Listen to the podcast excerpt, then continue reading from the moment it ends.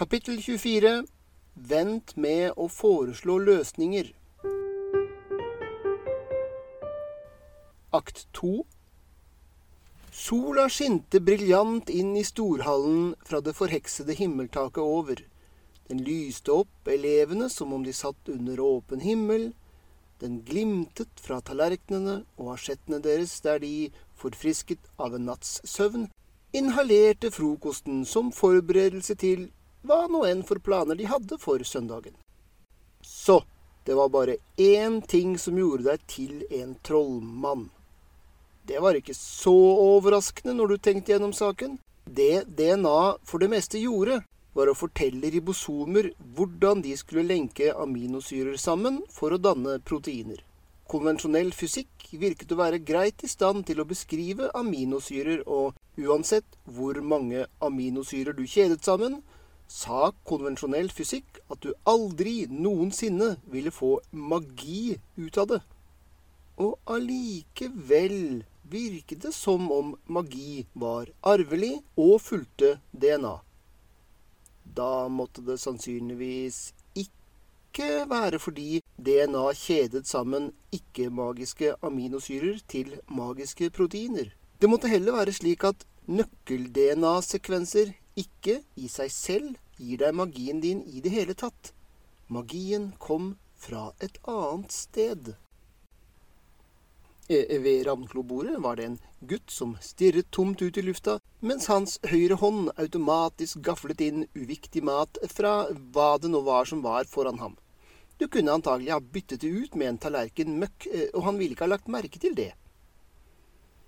Og av en eller annen grunn så la magiens kilde spesielt merke til en bestemt DNA-markør blant individer som var ordinære apebeslektede mennesker på alle andre måter. Faktisk var det en hel rekke gutter og jenter som stirret ut i tomme lufta. Dette var ravnklobordet, tross alt. Andre logiske linjer ga samme konklusjon. Komplekst maskineri var alltid universelt til stede innenfor en seksuelt reproduserende art. Hvis gen B var avhengig av gen A, så måtte A være nyttig på egen hånd og spre seg til nær universell status i seg selv, før B ville være nyttig ofte nok til å gi en fordel i tilpasning.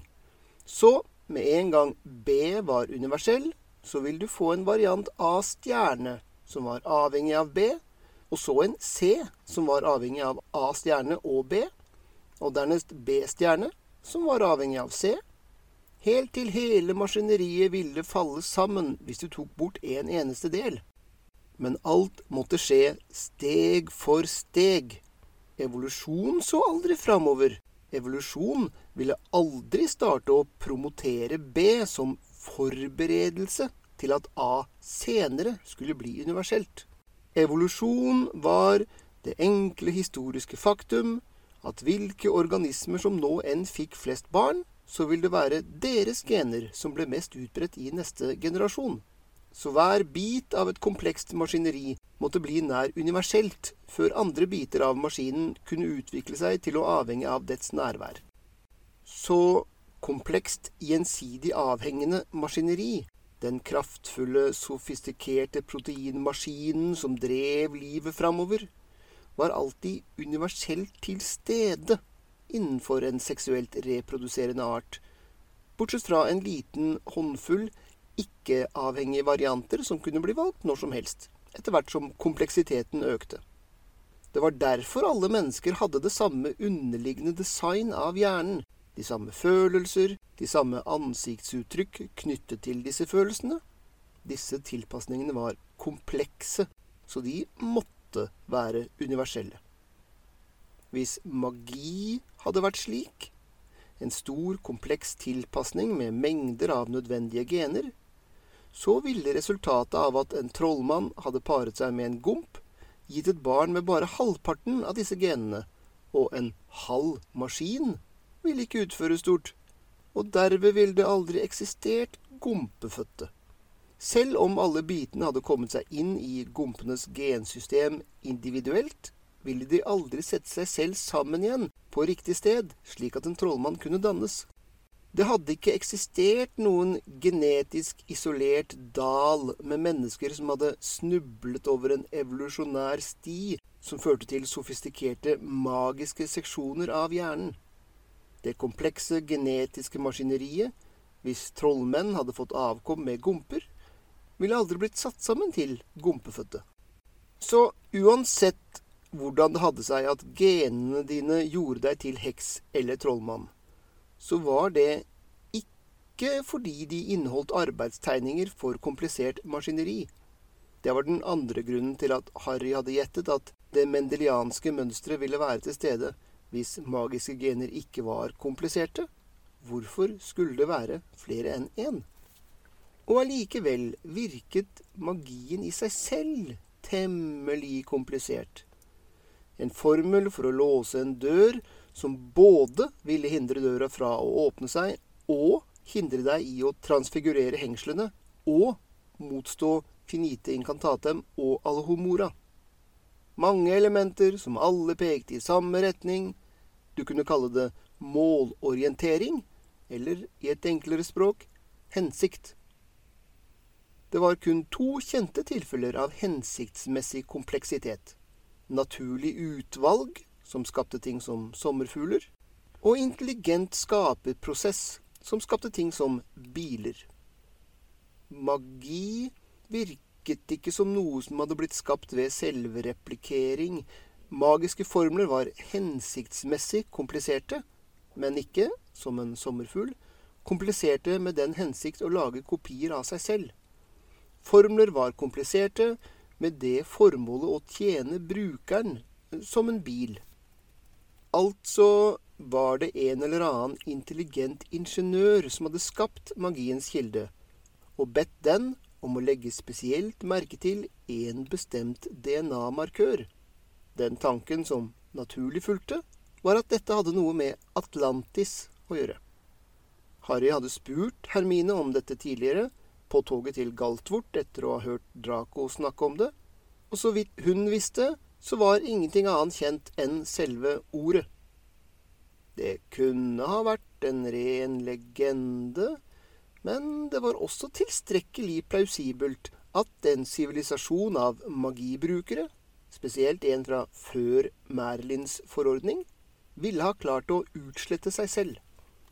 Tankegangen fortsatte slik Atlantis hadde vært en isolert sivilisasjon som på en eller annen måte hadde frambrakt magiens kilde, og fortalt den at den bare skulle tjene mennesker med den atlantiske genmarkøren, Atlantis blod. Og med tilsvarende logikk, ordene en trollmann framsa, bevegelsene i tryllestaven, disse var ikke i seg selv kompliserte nok til å bygge opp den magiske effekten fra bunnen av. Ikke på den måten som tre milliarder grunnpar av menneskelig DNA faktisk var kompliserte nok til å bygge opp en menneskekropp fra bunnen av. Ikke på samme måte som et dataprogram som opptok tusenvis av bytes med data. Så ordene og stavbevegelsene var bare utløsere, brytere som ble operert på en eller annen skjult og mer kompleks maskin knapper, ikke konstruksjonstegninger. Og akkurat som et dataprogram ikke ville kompilere hvis du gjorde en enkelt skrivefeil, så ville ikke magiens kilde respondere med mindre du utførte det helt presise ritualet for den bestemte formelen. Den logiske rekken var ubønnhørlig, og den pekte ugjenkallelig mot en enkelt, endelig konklusjon. De eldgamle forfedrene til trollmenn, tusenvis av år tidligere, hadde fortalt magiens kilde at den bare skulle levitere ting hvis du sa Vingardium leviosa. Harry sank ned over frokostbordet og hvilte panna trett i sin høyre hånd. Han kom i hu en historie fra den kunstige intelligensens aller første periode, på den tida hadde de nettopp startet, og ingen hadde fremdeles innsett at problemet ville være vanskelig. Om en professor som hadde delegert til en av sine siste års studenter å løse problemet med datamaskinens syn. Harry begynte å forstå hvordan den studenten måtte ha følt seg. Dette kunne ta litt tid. Hvorfor var det mer krevende å kaste en alhomora hvis det kunne sammenlignes med å trykke på en knapp? Hvem hadde vært tilstrekkelig idiotisk til å bygge inn i en formel som Avada Kadavra at den bare kunne kastes ved hjelp av hat? Hvorfor var det slik at ordløs transfigurasjon krevde at du utførte en fullstendig mental deling mellom konseptet form og konseptet materiale. Det var ikke sikkert at Harry ville ha løst dette problemet før han var ferdig på Galtvort. Kan hende ville han fremdeles jobbe med samme sak når han var 30 år gammel.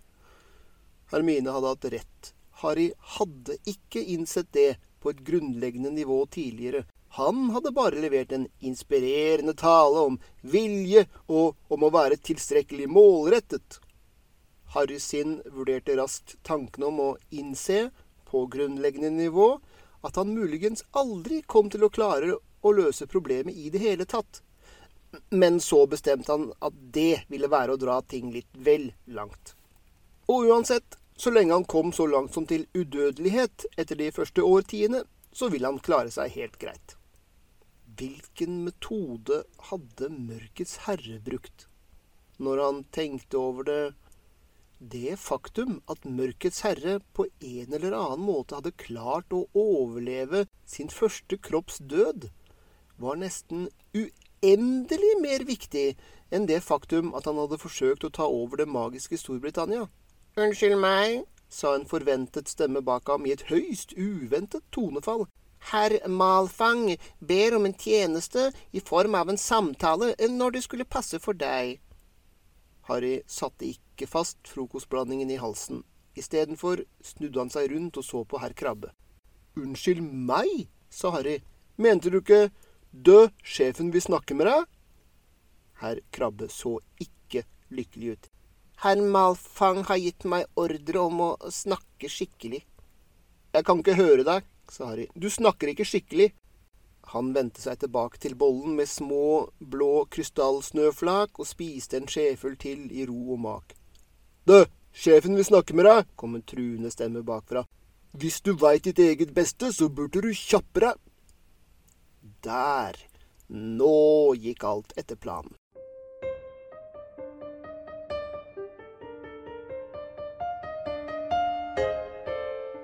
Akt 1 en grunn, sa den gamle trollmannen. Han klarte knapt å forhindre at raseriet syntes i ansiktet. Gutten foran ham hadde vært offeret, og skulle sannelig ikke trenge å bli mer skremt. Det er ingenting som kan unnskylde. Det jeg gjorde mot ham, var verre. Den gamle trollmannen stivnet i plutselig skrekk. Harry, hva har du gjort?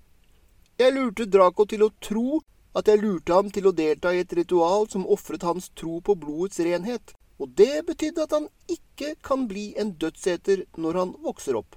Han har mistet alt, rektor.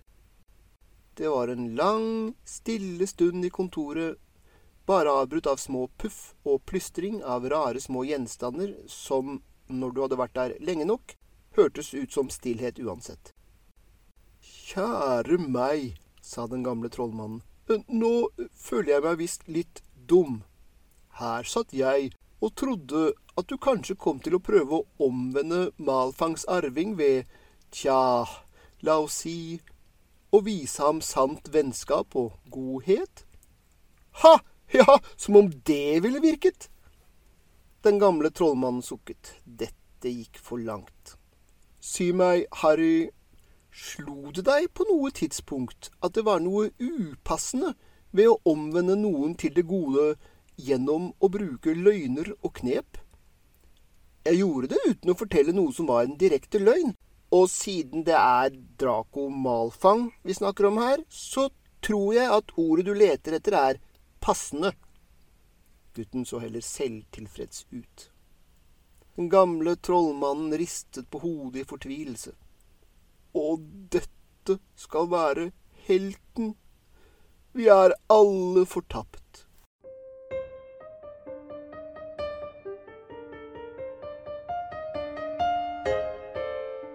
Akt 5 Det virket som om den lange, smale tunnelen av ruglete stein, uopplyst utenom et barns tryllestav, fortsatte mil etter mil.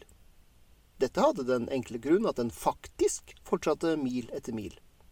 Tida var tre om morgenen, og Fred og Frank hadde startet den lange veien ned den hemmelige gangen som førte fra en statue av en enøyd heks i Galtvort og fram til kjelleren i godteributikken Honningslurp i Galtvang. Åssen går det med det? sa Fred lavt. Ikke at noen kunne høre det uansett, men det var noe merkelig ved det å snakke med normal stemme når du gikk gjennom en hemmelig gang. Fremdeles trøblete, sa Frank. Begge, eller den midterste, fiksa seg sjøl igjen. Den andre er som den alltid har vært. Kartet var et ekstraordinært kraftig artefakt, i stand til å spore alle tenkende vesener på skoleområdet, i sanntid, med navn. Høyst sannsynlig hadde det blitt skapt på den tida da Galtvort ble grunnlagt. Det var ikke bra at det begynte å vise feil. Antagelig kunne ingen utenom Humlesnurr reparere det om det ble ødelagt.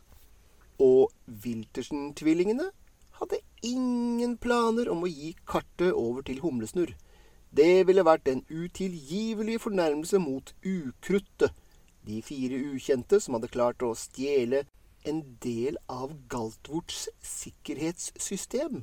Et eller annet som sannsynligvis var kreert av Salazar Smygar selv, og så vri det om til et verktøy for elevstreker.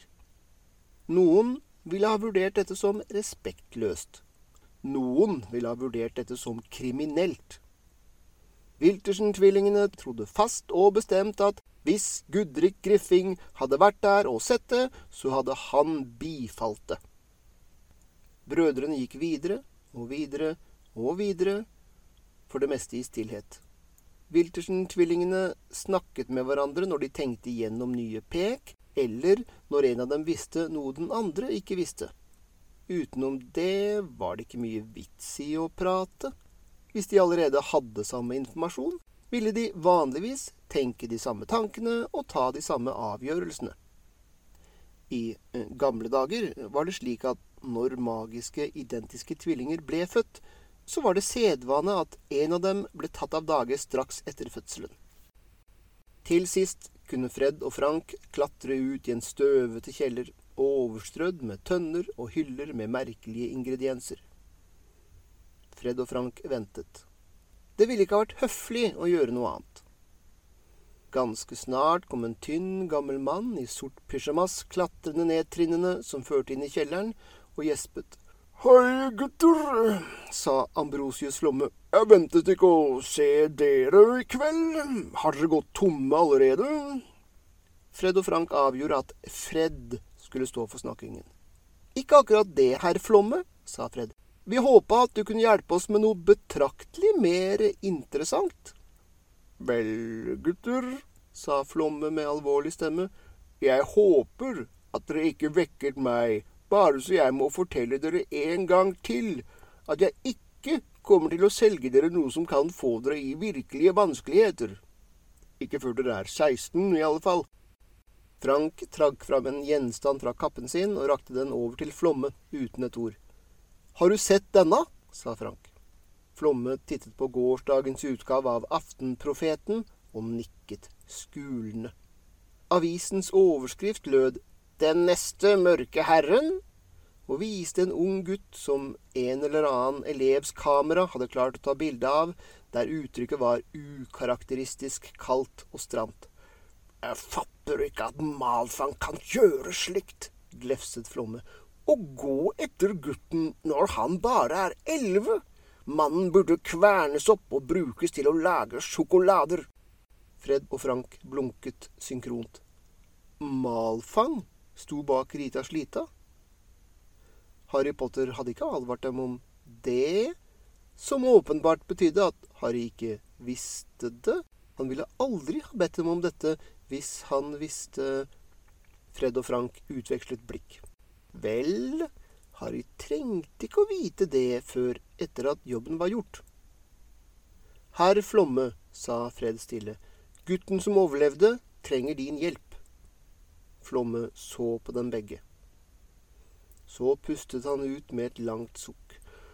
All right, sa Flomme. Hva er det dere planlegger?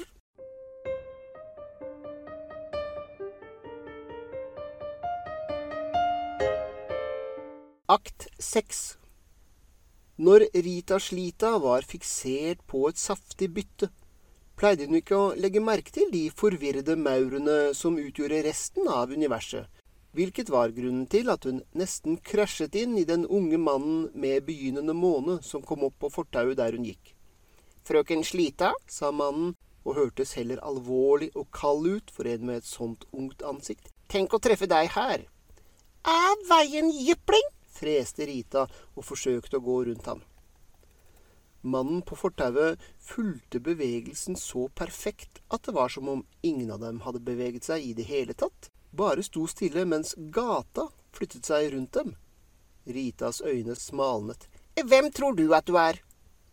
Ikke et heldig svar, sa mannen tørt. Det ville ha vært klokt å memorisere ansiktet til den forkledte dødseteren som trener opp Harry Potter til å bli den neste Mørkets herre. Når alt kommer til alt. Et tynt smil. Det hørtes definitivt ikke ut som noe du ønsker å skumpe inn i på gata, spesielt etter å ha rakket ned på ham i avisen. Rita brukte et øyeblikk på å plassere referansen. Dette var Kvirinius Krengle. Han virket for ung og for gammel samtidig, Ansiktet hans, hvis det slappet av fra det alvorlige og nedlatende uttrykket, burde tilhøre noen sent i 30-årene. Og han begynte allerede å miste håret? Hadde han ikke råd til en helbreder? Nei, det var ikke viktig. Hun hadde en tid og et sted og en bille å være. Hun hadde nettopp fått et anonymt tips om at madame Beining koste seg med en av sine yngre assistenter. Det ville være verdt en klekkelig bonus hvis hun klarte å verifisere det. Beining var høyt på ønskelista. Tipseren hadde sagt at Beining og hennes unge assistent straks skulle spise lunsj i et spesielt rom på Hos Marie, et svært populært sted for enkelte formål, et rom som, hadde hun funnet ut, var sikret mot alle former for avlytting, men ikke mot en vakker blå bille som slappet av ved en vegg. Av veien! sa Rita og forsøkte å dytte Krengle vekk fra fortauet. Krengles arm berørte hennes egen, avledet kraften, og Rita snublet som om støtet hennes gikk ut i løse lufta. Krengle trakk opp venstre kutterme og viste fram armen. Observer, sa Krengle, ikke noe mørkets merke. Jeg ønsker at din avis publiserer en beklagelse. Rita slapp ut en vantro latter. Selvsagt var ikke mannen en virkelig dødseter. Avisen ville aldri ha skrevet det hvis så var tilfellet. Glem det, jypling! Forsvinn! Krengle stirret på henne et øyeblikk. Så smilte han. Frøken Slita, sa Krengle, jeg hadde håpet å finne en måte å overtale deg på, men dog allikevel, jeg merker at jeg ikke kan nekte meg gleden i å simpelthen knuse deg. Det har vært forsøkt. Nå, kom deg vekk fra min gangvei, jypling, før jeg finner noen svartspanere og får deg arrestert for å hindre journalistikken. Krengle ga henne et kort bukk og gikk så forbi. Farvel, Rita Slita, sa stemmen hans bak henne. Og Rita strente framover. I bakhodet la hun merke til at mannen plystret en melodi mens han gikk av sted. Som om det ville skremme henne.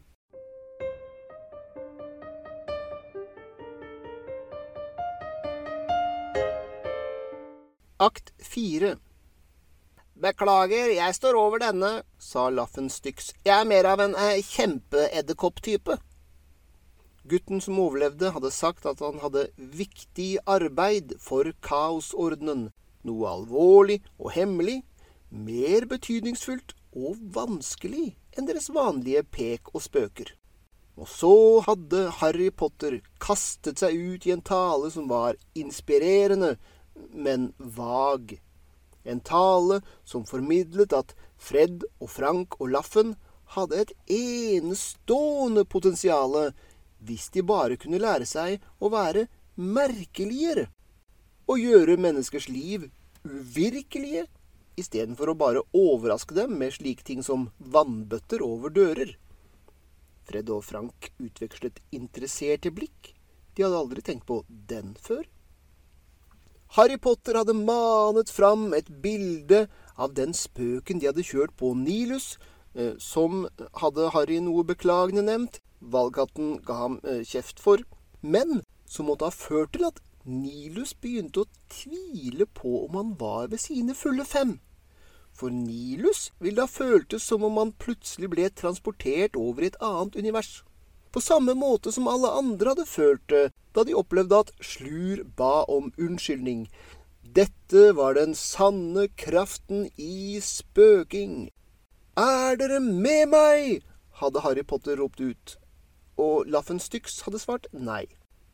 Regne med oss, sa Fred, eller muligens Frank, for det var ingen tvil om at Gudrid Griffing ville ha sagt ja. Laffenstyx leverte et beklagende flir, sto opp og forlot den forlatte og stillede korridoren der de fire medlemmene av Kaosordenen hadde møttes, og satt seg ned i en konspiratorisk sirkel.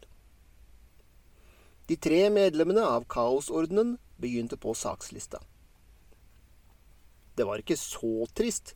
Fred og Frank ville fremdeles samarbeide med Laffen på spøker som involverte kjempeedderkopper, slik det alltid hadde vært.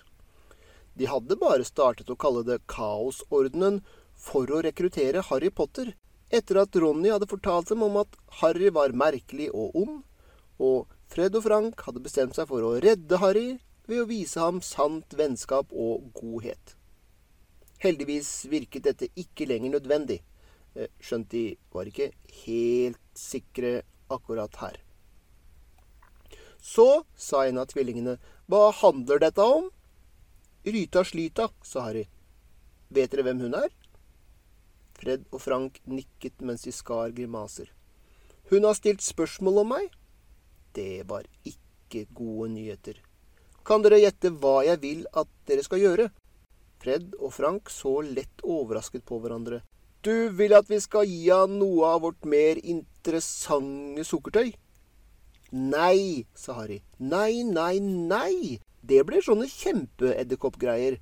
Kom igjen, hva ville dere gjort hvis dere hørte at Rita Slita prøvde å finne rykter om dere? Dette besvarte spørsmålet. Glis begynte å vokse fram på ansiktene til Fred og Frank. Starte rykter om oss sjøl, svarte de i kor. Akkurat, sa Harry og gliste bredt. Men dette kan ikke være hva som helst av rykter. Målet er å lære folk å aldri stole på hva avisen sier om Harry Potter. Ikke mer enn hva gompeaviser sier om Elvis. Først tenkte jeg bare på å oversvømme Rita Slita med så mange rykter at hun ikke ville vite hva hun skulle tro, men da vil hun bare håndplukke noen få som hørtes plausible og dårlige ut. Så det jeg ønsker at dere skal gjøre, er å skape en falsk historie om meg og på en eller annen måte få Rita Slita til å tro på den. Men det må være noe som alle i etterkant vil vite var helt feil.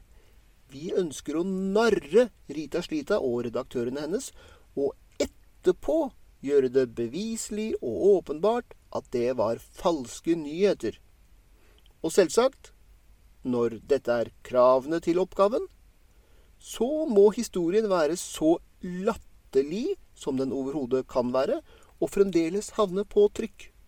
Forstår dere hva jeg vil at dere skal gjøre? Ikke helt, sa Fred og Frank sakte. Du vil at vi skal finne opp historien? Jeg vil at dere skal gjøre alt sammen, sa Harry Potter. Jeg er ganske opptatt akkurat nå, pluss at jeg ønsker å være i stand til å si, helt ærlig, at jeg ikke hadde noen idé om hva som kom til å skje. Overrask meg! Et øyeblikk var det svært onde smil på ansiktene til Fred og Frank. Så ble de alvorlige. Eh, men eh, Harry, vi veit ikke egentlig åssen en går fram for å gjøre noe sånt. Så finn det ut, sa Harry. Jeg har tillit til dere. Jeg regner absolutt med at dette er noe dere kan klare. Men hvis dere ikke kan gjøre det, så fortell meg det, og så vil jeg spørre noen andre, eller gjøre det sjøl. Hvis dere har en virkelig god idé, eh, både for den latterlige historien og hvordan dere kan få Rita Slita og hennes redaktører til å trykke det, så kan dere sette i gang. Men, men ikke vær fornøyd med noe middelmådig. Hvis dere ikke kan komme opp med noe fabelaktig, la meg få vite det. Fred og Frank utvekslet bekymrede blikk. Jeg kom ikke på noe, sa Frank. Ikke jeg heller, sa Fred. Beklager. Harry stirret på dem.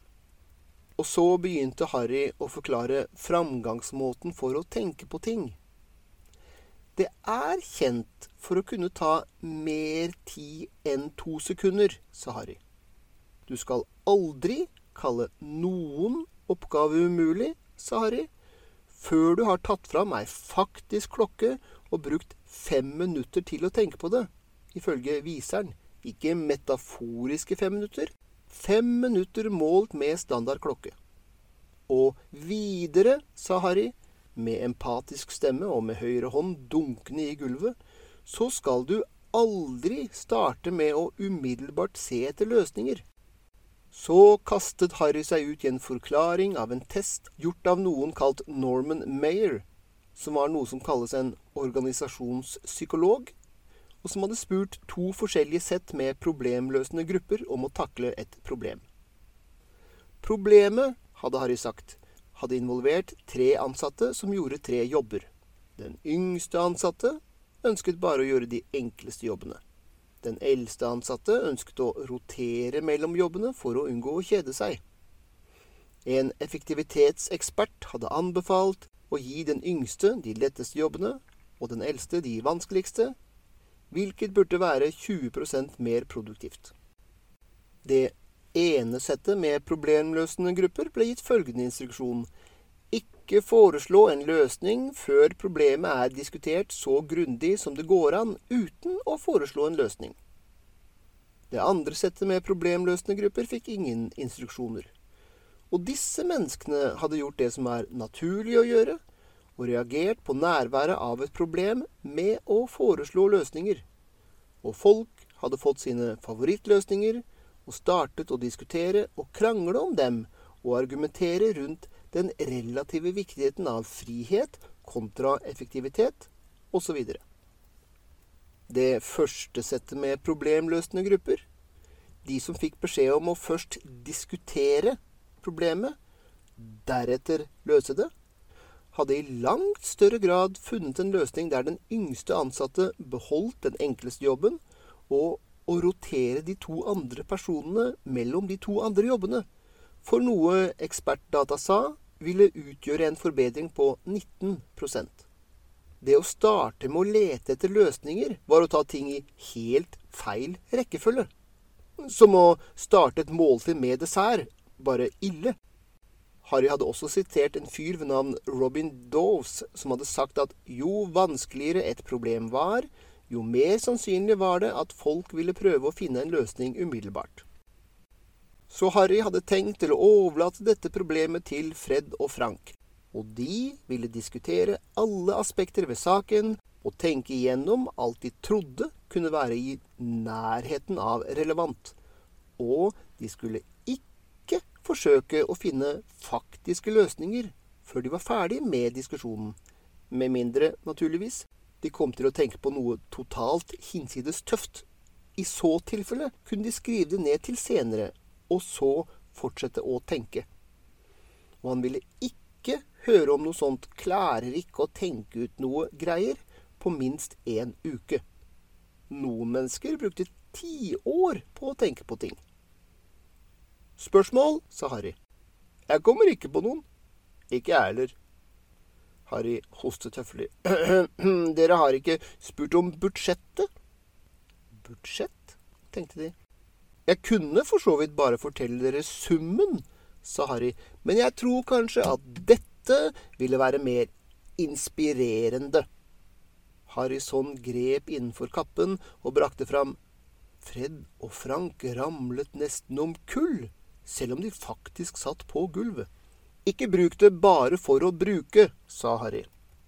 På steingulvet foran dem glitret en absolutt latterlig sum penger. Bare bruk det hvis det kreves for at planen skal bli ærefryktinngytende. Og hvis planen er en slik, ikke nøl med å bruke det.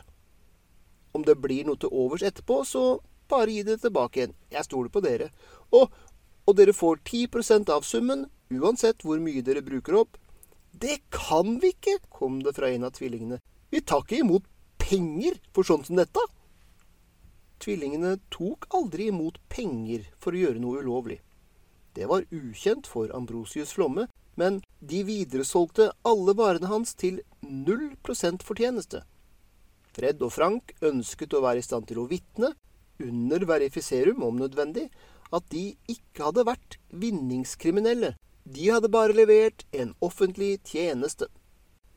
Harry rynket panna. Men jeg ber dere faktisk om å gjøre et ordentlig stykke arbeid her. En voksen ville bli betalt for å gjøre noe slikt som dette, og det ville i tillegg fremdeles telle som en vennetjeneste. Man kan ikke bare leie inn folk for denne typen ting. Fred og Frank ristet på hodene. Greit, sa Harry. Da kommer jeg bare til å gi dere dyre julegaver. Og hvis dere prøver å gi dem tilbake, kommer jeg til å brenne dem opp. Og dere har selvsagt ikke peiling på hvor mye jeg kommer til å bruke på de gavene, bortsett fra, åpenbart, at det kommer til å bli mer enn om dere bare tok imot pengene. Og jeg kommer til å kjøpe de presangene uansett, så vennligst ha det i tankene før dere forteller meg at dere ikke klarer å komme opp med tidenes mest inspirerte plan. Harry reiste seg, smilte og snudde seg for å gå mens Fred og Frank fremdeles gapte i sjokk. Han tok noen skritt på vei ut, og så snudde han seg. Ah, eh, en siste ting, sa Harry. Hold professor Krengle utenfor hva det nå er dere kommer til å gjøre. Han liker ikke publisitet. Jeg innser at det ville være lettere å få folk til å tro merkelige ting om forsvarsprofessoren enn om noen som helst annen, eh, og jeg, og jeg beklager for å legge begrensninger på dere på denne måten, men, men vær så snill, hold professor Krengle utenfor. Og Harry snudde seg igjen og tok noen skritt til, tittet seg tilbake en siste gang og sa mykt tusen takk og gikk. Det var en lang pause etter at han hadde forlatt rommet. Så, sa den ene.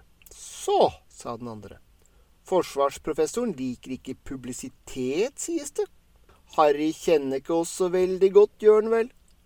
Nei, det gjør han ikke. Men klart, vi bruker jo ikke penga hans til denne saken. Naturligvis ikke, det vil ikke være rett. Vi tar forsvarsprofessoren separat. Vi får noen griffinger til å skrive til Slita og si at ermet hans ble løfta opp i en av timene i forsvar mot svartekunster, og de så det mørke merket. Og han holder sannsynligvis på med å lære all verdens mørke greier til Harry Potter utenom timene, og han er den verste forsvarsprofessoren noen i det hele tatt kan huske på Galtvort. Ikke bare at han feiler i å lære oss, han lærer oss alt gærent, fullstendig motsatt av åssen det skulle være, som da han påsto at du bare kunne kaste mordforbannelsen ved bruk av kjærlighet så formelen blei heilt ubrukelig. Feminalt! Den likte jeg! Takk. Jeg vedder for at forsvarsprofessoren også kommer til å sette pris på den. Han har humoristisk sans.